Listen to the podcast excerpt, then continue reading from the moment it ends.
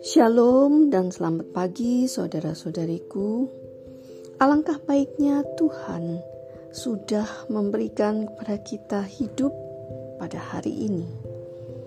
Jika kita tidak hidup hari ini, maka semua yang kita upayakan, yang kita rindukan, semua yang kita miliki sudah tidak ada lagi artinya. Kita juga diberinya kesehatan pada hari ini. Sungguh membuat hari ini menunggu kita untuk diisi. Jika kita sakit, maka tidak ada gairah untuk kita memberi makna pada hari ini. Oleh karena Tuhan sudah memberikan kita hidup dan kesehatan kepada kita hari ini, Marilah pertama-tama kita menghadap Tuhan dan memperhatikan apa yang hendak disampaikannya kepada kita. Baiklah kita membawa bekal firman Tuhan untuk kekuatan kita sepanjang hari ini. Mari kita datang kepadanya dalam doa. Bapa, ini kami datang menghadap kepadamu, memberi hormat dan syukur kami yang dalam. Kami sadar bahwa hidup dan kebaikan yang kami nikmati berasal dari Bapa. Pagi ini kami rindu untuk mendengarkan suara Tuhan berbicara ke dalam hati kami. Firman-Mu kiranya menuntun kami sepanjang hari ini. Dalam nama Tuhan Yesus kami berdoa. Amin. Mari kita baca Mazmur yang indah ini. Mazmur 138. Aku hendak bersyukur kepadamu dengan segenap hatiku. Di hadapan para Allah aku akan bermasmur bagimu. Aku hendak sujud ke arah baitmu yang kudus dan memuji namamu oleh karena kasihmu dan oleh karena setiamu. Sebab kau buat namamu dan janjimu melebihi segala sesuatu. Pada hari aku berseru, engkau pun menjawab aku. Engkau menambahkan kekuatan dalam jiwaku. Semua raja di bumi akan bersyukur kepadamu, ya Tuhan, sebab mereka mendengar janji dari mulutmu.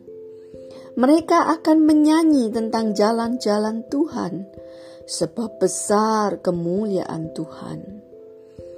Tuhan itu tinggi, namun Ia melihat orang yang hina dan mengenal orang yang sombong dari jauh. Jika aku berada dalam kesesakan, engkau mempertahankan hidupku. Terhadap amarah musuhku, engkau mengulurkan tanganmu, dan tangan kananmu menyelamatkan aku.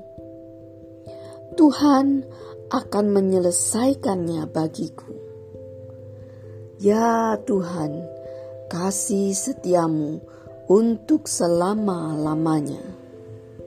Janganlah kau tinggalkan perbuatan tanganmu. Ya, benar saudara-saudariku, kita diajak lagi oleh Daud untuk bersyukur kepada Tuhan. Daud mencontohkan bagaimana dia bersyukur kepada Tuhan. Pertama, ia bersyukur dengan segenap hati ia bersyukur bukan karena ini suatu kebiasaan atau ritual, sehingga kata-kata atau lagu-lagu syukur hanya sebatas di bibir saja. Ini adalah rasa syukur yang begitu besar yang keluar dari hati yang benar-benar diliputi dengan desakan untuk bersyukur kepada Tuhan. Kata-kata maupun lagu-lagu pujian syukur yang kita sampaikan kepada Tuhan barulah berarti jika keluar dari hati kita yang sungguh-sungguh mau bersyukur kepada Tuhan. Tuhan yang melihat hati kita akan sangat bersuka cita mendengar ungkapan syukur kita. Marilah kita memeriksa hati kita terlebih dahulu sebelum kita menaikkan syukur kepada Tuhan. Kedua, Daud bersyukur atau bermasmur, yaitu memuji-muji Tuhan di hadapan para Allah atau para raja-raja, para penguasa, para pembesar yang menyembah Allah-Allah lain Daud telah percaya dan mengalami bahwa Tuhan adalah satu-satunya Allah yang benar, yang telah menyatakan kuasanya mengatasi segala Allah-Allah dan keadaan. Daud mau memasyurkan nama Tuhan kepada segala bangsa yang belum mengenal Tuhan yang belum sujud menyembah Tuhan, yang belum percaya kepada Tuhan.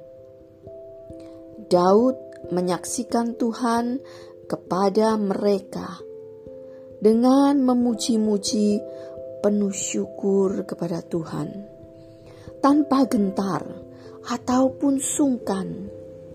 Tuhan patut ditinggikan dan dimuliakan. Itu yang dia rasakan. Tidak perlu ia menahan mulutnya untuk mengagungkan Tuhan.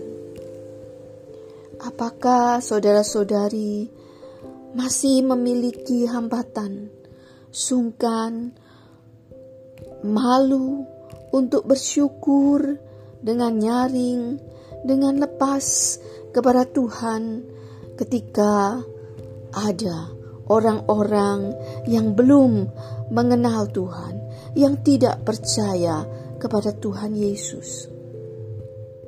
Biarlah rasa syukur yang dalam mengatasi segala rasa sungkan, sebab Tuhan pantas menerima puji-pujian syukur saudara-saudari. Ketiga, Daud bersyukur dengan bersujud ke arah bait Tuhan yang kudus. Mungkin saudara-saudari tidak pernah mengungkapkan syukur dengan bersujud sebagaimana yang dilakukan oleh Daud. Biasanya saudara-saudari mengangkat tangan, bertepuk tangan, mengangkat kepala ke atas, bernyanyi dengan suara yang keras, atau melompat-lompat sambil menyanyi lagu syukur. Daud bersyukur dengan bersujud. Ini menyatakan bahwa ia memberi hormat dan sembah kepada Tuhan saja. Dapat dibayangkan jika ada orang yang menyelamatkan saudara-saudari dari maut. Tidak ada ungkapan syukur yang lebih dalam selain dengan berlutut di hadapan orang tersebut sambil mengucapkan beribu-ribu terima kasih. Daud bersujud kepada Tuhan sebagai ungkapan penyembahan kepada Tuhan dengan segenap hati. Hal ini terutama didukung dengan arah ia bersujud, yaitu bait Tuhan. Di mana di situ Tuhan menempatkan namanya. Alangkah baiknya jika saudara-saudari sekali-sekali mengungkapkan syukur dengan bersujud kepada Tuhan. Suatu sembah yang dalam yang diberikan karena syukur yang sangat dalam dari hati saudara-saudari. Keempat, ia bersyukur karena kasih dan setia Tuhan. Daud tidak menjelaskan peristiwa apa yang mendasari ia menyanyikan Mazmur ini, tetapi ia menyimpulkan bahwa di balik segala kelepasan dari kesesakan, penyelamatan dari maut, kekuatan ketika lemah lesu, pertolongan untuk berbagai situasi adalah kasih Tuhan dan setia Tuhan kepadanya. Daud tidak menganggap bahwa karena dirinya pandai berperang, karena dirinya muda dan kuat, karena dia memiliki banyak orang yang setia mendukungnya, maka ia berhasil. Daud yang mampu mengalahkan berlaksa-laksa dan pemberani itu memberikan pengakuan bahwa kasih Tuhan dan setia Tuhan yang menolong dia senantiasa. Ia memuliakan Tuhan dan bukan dirinya sendiri. Daud juga mengalami saat-saat di mana ia terdesak dan hampir mati, di mana ia berseru kepada Tuhan, dan Tuhan pasti menjawabnya. Tuhan menguatkan dia. Daud mengalami kasih setia Tuhan. Marilah saudara-saudari, kita bersyukur sebab Tuhan itu kasih dan setia kepada saudara-saudari dan saya. Daud harus melalui hidup yang berat dan penuh bahaya maut untuk dia menjadi raja Israel. Melalui bahaya yang besar dan hidup yang berat, Daud bergumul untuk mempercayai janji Tuhan kepadanya bahwa dia akan menjadi raja. Dia telah melewati berbagai kesulitan berat dan merasakan betapa Tuhan selalu menolongnya. Ia percaya penuh bahwa Tuhan akan menyelesaikan pekerjaannya atas Daud dan akan menjadikannya raja.